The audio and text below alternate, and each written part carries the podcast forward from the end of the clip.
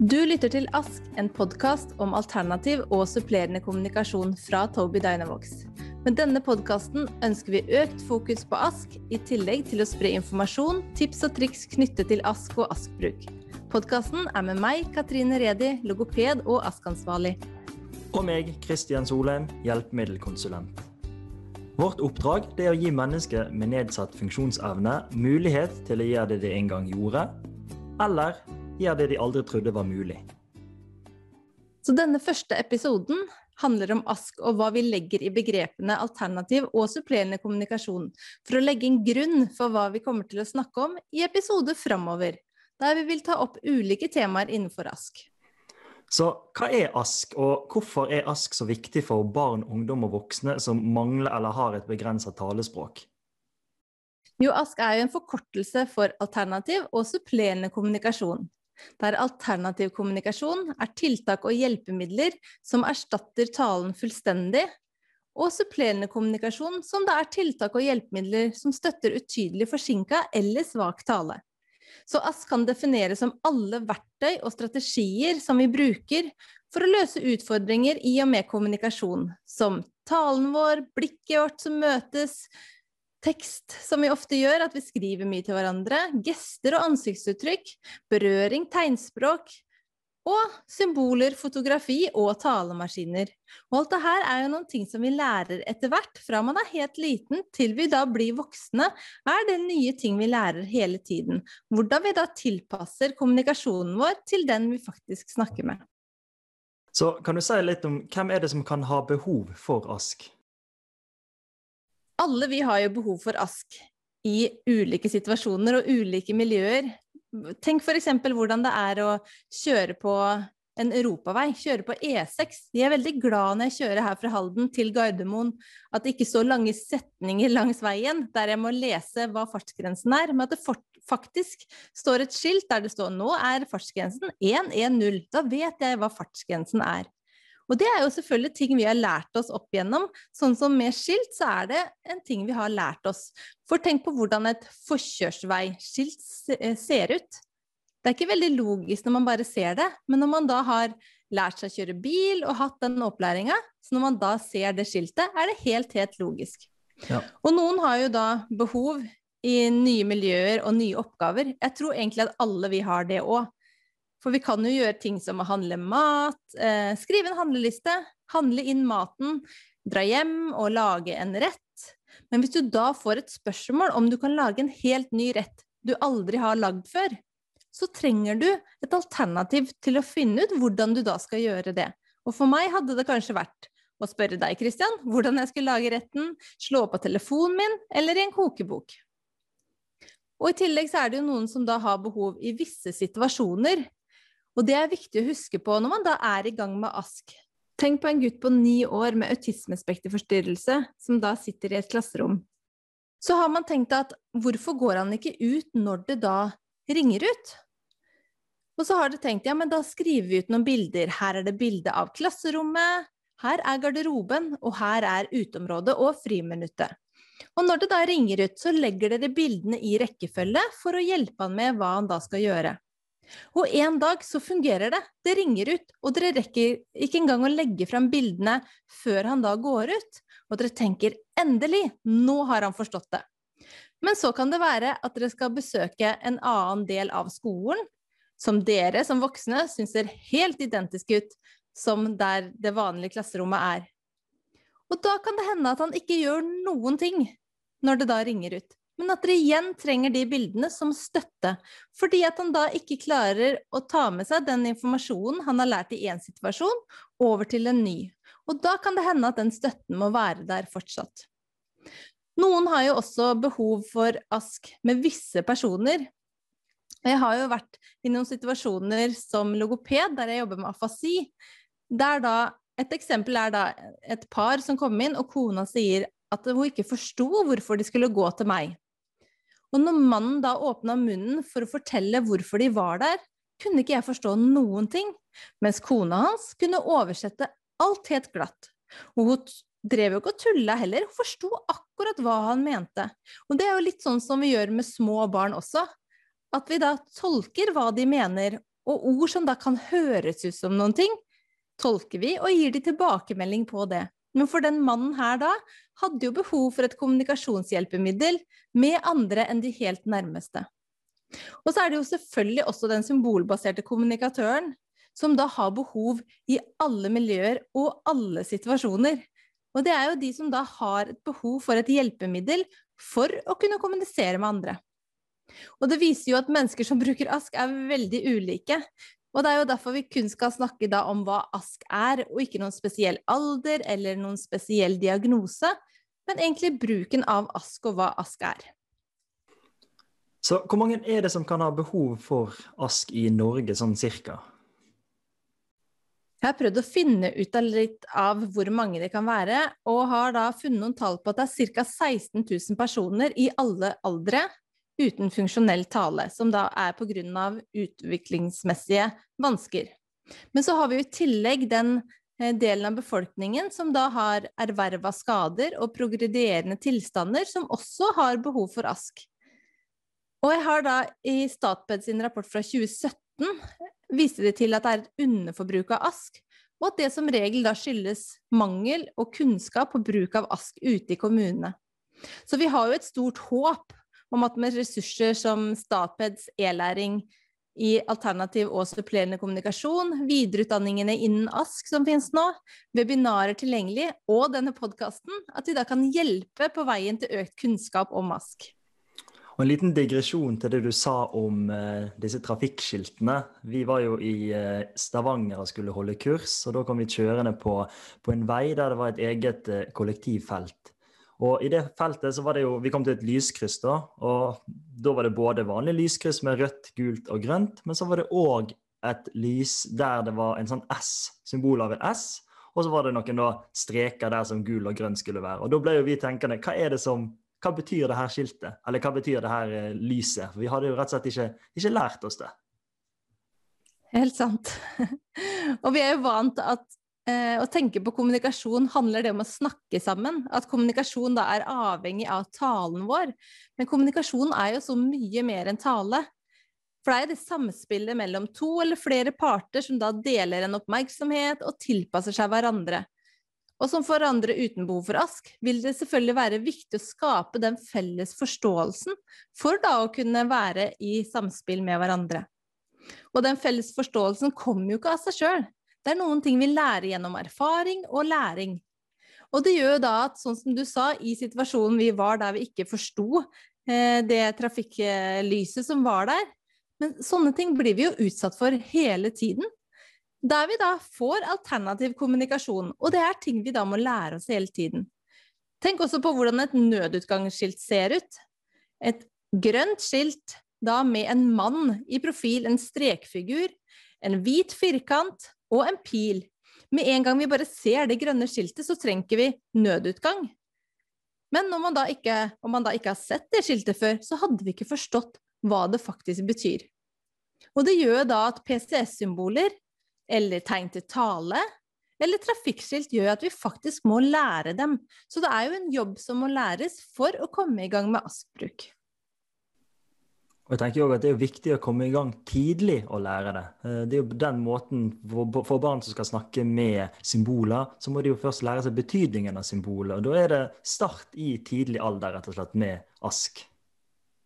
Helt klart. Og det er jo sånn når man da har sett et PCS-symbol f.eks., når man da har sett det noen ganger, så blir det ganske logisk for oss hvilken betydning det har. Ofte får vi tilbakemelding på noen av symbolene at noen av dere syns at de er litt rare, hvorfor vi har brukt det. Sånn som ordet for mer, så er det da en haug med bær, røde bær, og det er pil til den store haugen med bær.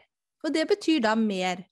Så er det sant, Vi kunne sikkert valgt noe annet også, men når man da har sett det noen ganger, så tenker vi at jo, det er det symbolet betyr faktisk mer. For det er jo sånn gjennom hele livet så har vi da et supplement av bilder og symboler og tegn for å få informasjon, men også gi informasjon i kommunikasjonen vår. Og dessverre er det da altfor vanlig at personer rundt ASK-brukere, selv også nærpersonene og de som jobber og kommuniserer med ASK-brukere, har lavere forventninger til de enn til andre barn og ungdommer. Og det fører da til at mange med kommunikasjonsvansker har liten tro på egen evne, og det igjen da er jo med på å påvirke selvbildet. Og det er jo fryktelig synd at det er sånn. Og kan du si noe om det er noe risiko knytta til det her? For forskning viser i hvert fall at kommunikasjonsvansker gir økt risiko for ulike vansker knytta til mental helse. Så det viktige er at vi som kommunikasjonspartnere kan være i forkant og forebygge alt det vi kan.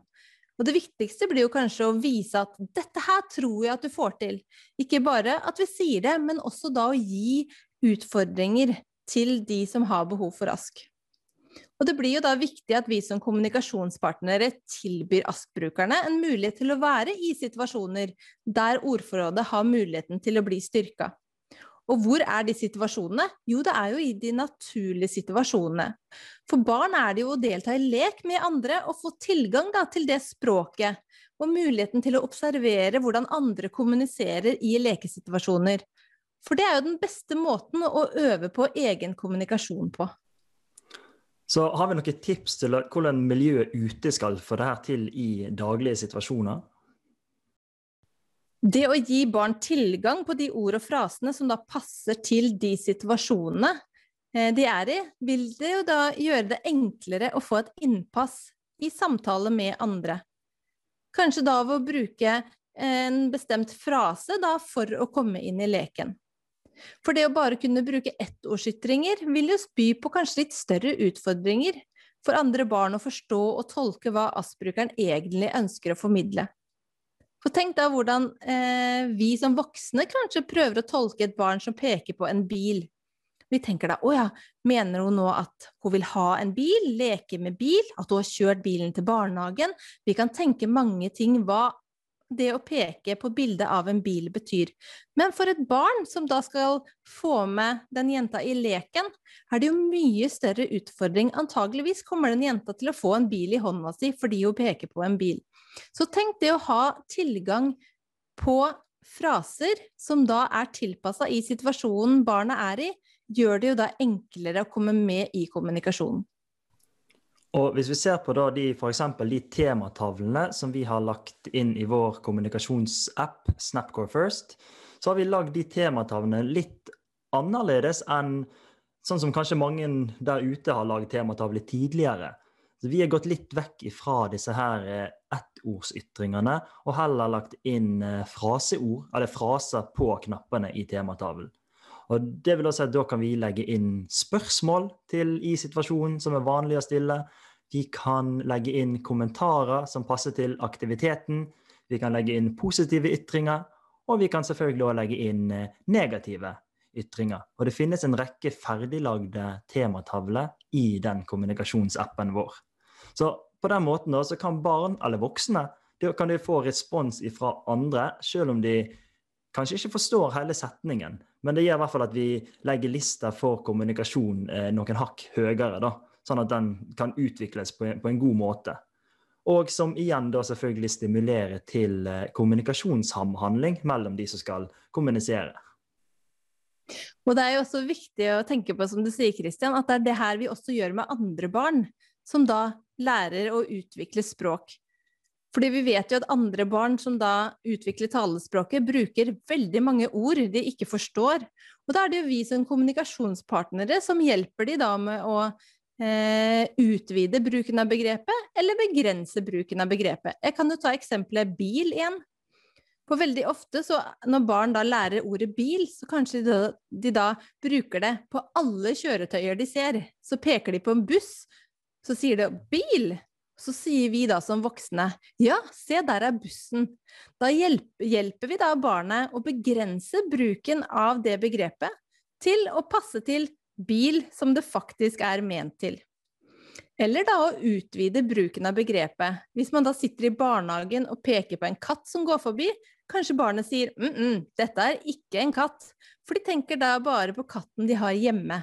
Da må vi lære de å utvide bruken av begrepet, sånn at det faktisk katt betyr alle katter. Og det gjør da at når de da hører orda igjen og igjen, og vi hjelper de å begrense eller utvide, så får de da de begrepene på plass i ordforrådet sitt.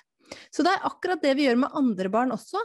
Det må vi gjøre med de som har behov for ASK, og hjelpe de da å få orda og begrepene så de passer inn i gitte situasjoner. Og det er veldig viktig at alle rundt barnet kommuniserer på alle tilgjengelige måter. Og ikke tenker at nei, nå er det jo dette barnet skal kommunisere med, og ikke bruke andre ting. Så selv om dere har da et kommunikasjonsprogram, bruk gester, bruk tegn, bruk bilder, bruk kroppen og blikk. Bruk det dere har tilgang på. Og det er også viktig at da foreldre, søsken, besteforeldre og ansatte i barnehage, skoler bruker ASK-hjelpemiddelet og modellerer gjennom det, som vi nok vil ta opp ved en senere anledning, hvordan det kan gjøres.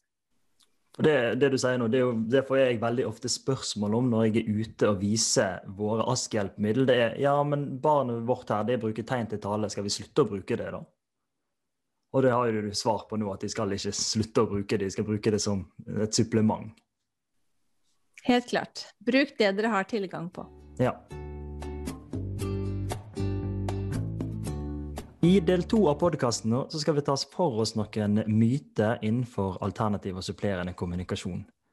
I dagligtale så brukes begrepet myte vanligvis om betydningen illusjon eller en slags usannhet. Mytene de oppstår ved at en historie gjenfortelles muntlig fra person til person gjennom flere generasjoner, og eksempel på en myte kan jo da være Loch Ness, sjømonsteret. Så den første myten vi skal se på, det er Asks effekt på tale. Og påstanden er men vil ikke bruk av ask hindre barnet mitt eller ektefellen min i å snakke? Hvis vi tar i bruk ask, betyr det at vi gir opp på verbal tale? Han er for ung for ask. Vi må, vi må gi han mer tid til å utvikle tale. Og Ask vil bli som en slags krykke for han eller uh, henne, sånn at, ikke, sånn at, ikke, denne personen lenger prøver å snakke.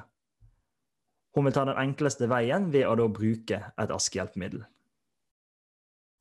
Og jeg forstår godt at det her kan være bekymringer når det vurderes da å ta i bruk et ASK-hjelpemiddel med et barn eller med en partner.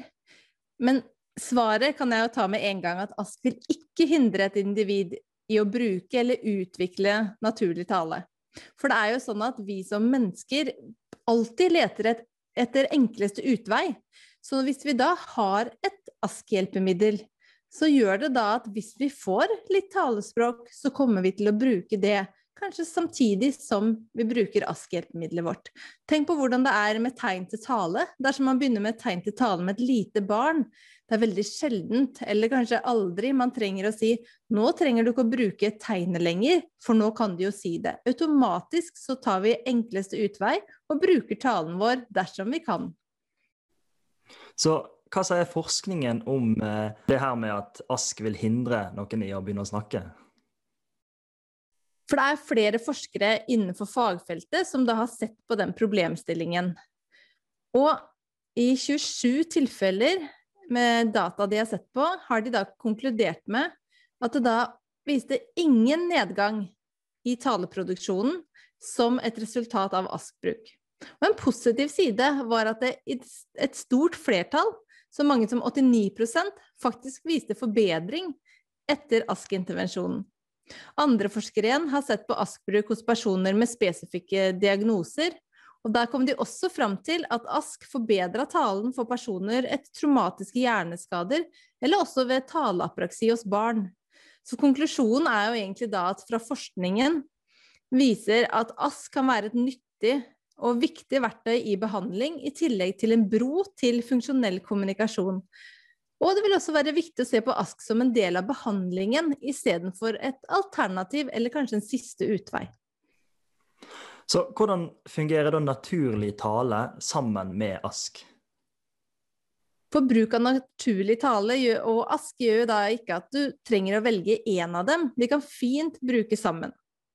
Og som vi har sagt før i dag, så vet vi jo da at hele tiden bruker vi flere typer av kommunikasjon hver dag. Og det er jo det at Kanskje noen da, som har litt utydelig tale, helt fint kan kommunisere med de hjemme, men da har behov for et alternativ hjelpemiddel når de da møter folk de da ikke har vært med før. For det er jo sånn vi snakker, peker og vinker og bruker kroppsspråk hele tiden, avhengig av situasjonen. Og det samme gjelder jo for de som da har behov for ASK. For ASK, tale, peking og kroppsspråk, det samme eksisterer jo som en del av det multimodale kommunikasjonssystemet som vi alle har. Så om vi da skal konkludere med den myten her, er da at ASK vil ikke hindre noen i å bruke eller utvikle naturlig tale. Og ASK har ofte en positiv effekt på taleproduksjonen, og har blitt anbefalt som behandlingsmetode for utvikling av naturlig tale og språk. Og økningen i taleproduksjonen, det her er jo også viktig å si, etter introduksjonen av ASK, at det vil variere fra person til person. For det er jo ikke sånn at dersom man introduserer et ASK-hjelpemiddel, så vil det jo ikke føre til at alle får tale likevel. Og ASK kan være en del av et individs totale kommunikasjonssystem, som også da kan inkludere naturlig tale. Og ASK forbedrer et individs evne til å kommunisere effektivt og selvstendig med ulike lyttere som de da har. Myte nummer to den lyder som følger.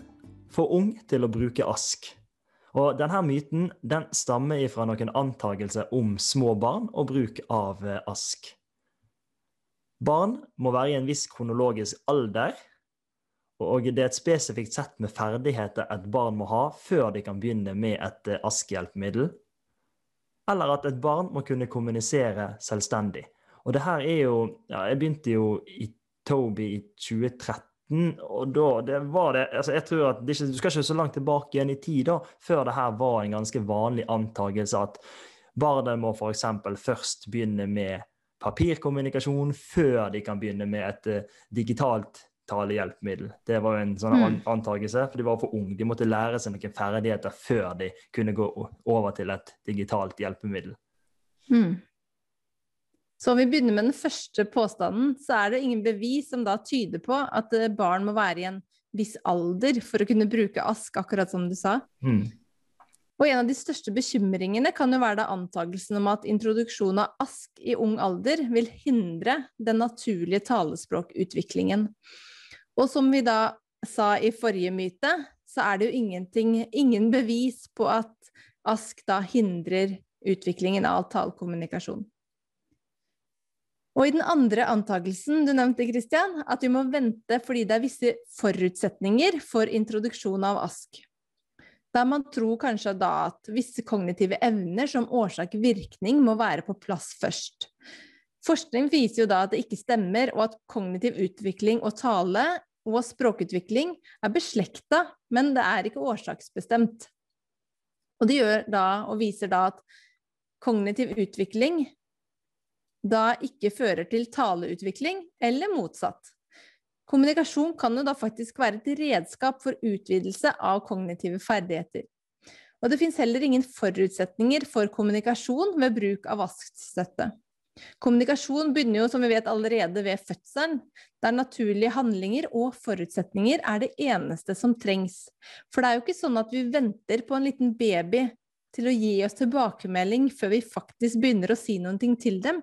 Vi kommuniserer jo helt fra det blir født, med da å gi dem eh, ord og uttrykk, og de ser kroppsspråk og ansiktsuttrykk. Det her gjør vi jo med en gang barn kommer til verden. Og Det kan jeg skrive under på, som har en eh, fire måneder gammel baby her hjemme. Ja, så det er jo det vi gjør. Vi snakker jo hele tiden. Og Selvfølgelig med ord som det barnet ikke forstår, men de hører da tonefall og alt, og lærer seg jo etter hvert betydningen av begreper og ord. Og den tredje antakelsen vi ønsker å besvare, er at vi må vente fordi de må kommunisere selvstendig før de kan få en ASK-enhet. Og å se på ASK fra den synsvinkelen ignorerer det faktum at ingen av oss, med eller uten behov for ASK, kommuniserer selvstendig. Kommunikasjonen skjer jo ikke i et vakuum, og vi er absolutt avhengig av at andre samhandler med oss for at vi da skal få til kommunikasjon. Og da å etablere meninger og gi støtte der det trengs. Det er jo sånn vi kommuniserer hele tiden. Hvis vi da eh, skal snakke om noe vi ikke kommer på, så spør vi noen andre. Og hvem var det igjen? Hvis vi da ikke kommer på et navn. Husker du hvem? Og da kan man jo få hjelp av den man da kommuniserer med. Sånn holder vi på hele tiden. Og det samme gjelder da ASK-brukere. For det virker jo litt bakvendt å da skulle vente til noen ser ut til å kunne kommunisere uten hjelp, før man da får et ASK-hjelpemiddel. For det er jo da bruk av ASK som da vil hjelpe unge barn må lære seg å kommunisere selvstendig. Og som vi vet nå, ASK påvirker kommunikasjonen positivt. Og det påvirker da språk, kognisjon og leseferdigheter. Og det er bare positivt ved det. Og med ASK øker også barns deltakelse i utviklingsmessig viktige sosiale, utdannings- og lekerelaterte omgivelser. Og det er jo det vi ønsker med kommunikasjonen vår. Så for å oppsummere dagens tema er det viktig å huske at ASK-bruk er en avgjørelse basert på kommunikasjonsbehov, som vi alle har, og at behov og evne vil endre seg idet barna vokser og beveger seg framover. Og da må vi som kommunikasjonspartnere huske på å følge med i det også. Så har dere da et barn som er i barnehagen, og dere ser at de jevnaldrende har helt spesielle ting de kanskje leker med der, følg med og få også de tinga inn i barnet som har behov for ASK kommunikasjonsverktøy. Og ASK-strategier og verktøy kan jo bør brukes for å bidra til utvikling av kognitive språkferdigheter, som igjen fremmer barns læringsevne og språktilegnelse. Så ASK-støtte bør derfor ikke fjernes eller utsettes basert på karaktertrekk ved en spesifikk aldersgruppe eller diagnose, men tenk heller at dere skal se det som et mulig verktøy for å overvinne kommunikasjonsutfordringer for ethvert individ da som trenger en alternativ eller supplerende måte til egen tale. Takk, Katrine. Og vi ønsker med det å takke for oss, og håper dere vil følge podkasten videre med flere spennende tema. Gå gjerne inn på hjemmesiden vår torbidynavox.no for å finne kontaktinformasjon til oss. Og still spørsmål, kom med innspill, og så høres vi igjen.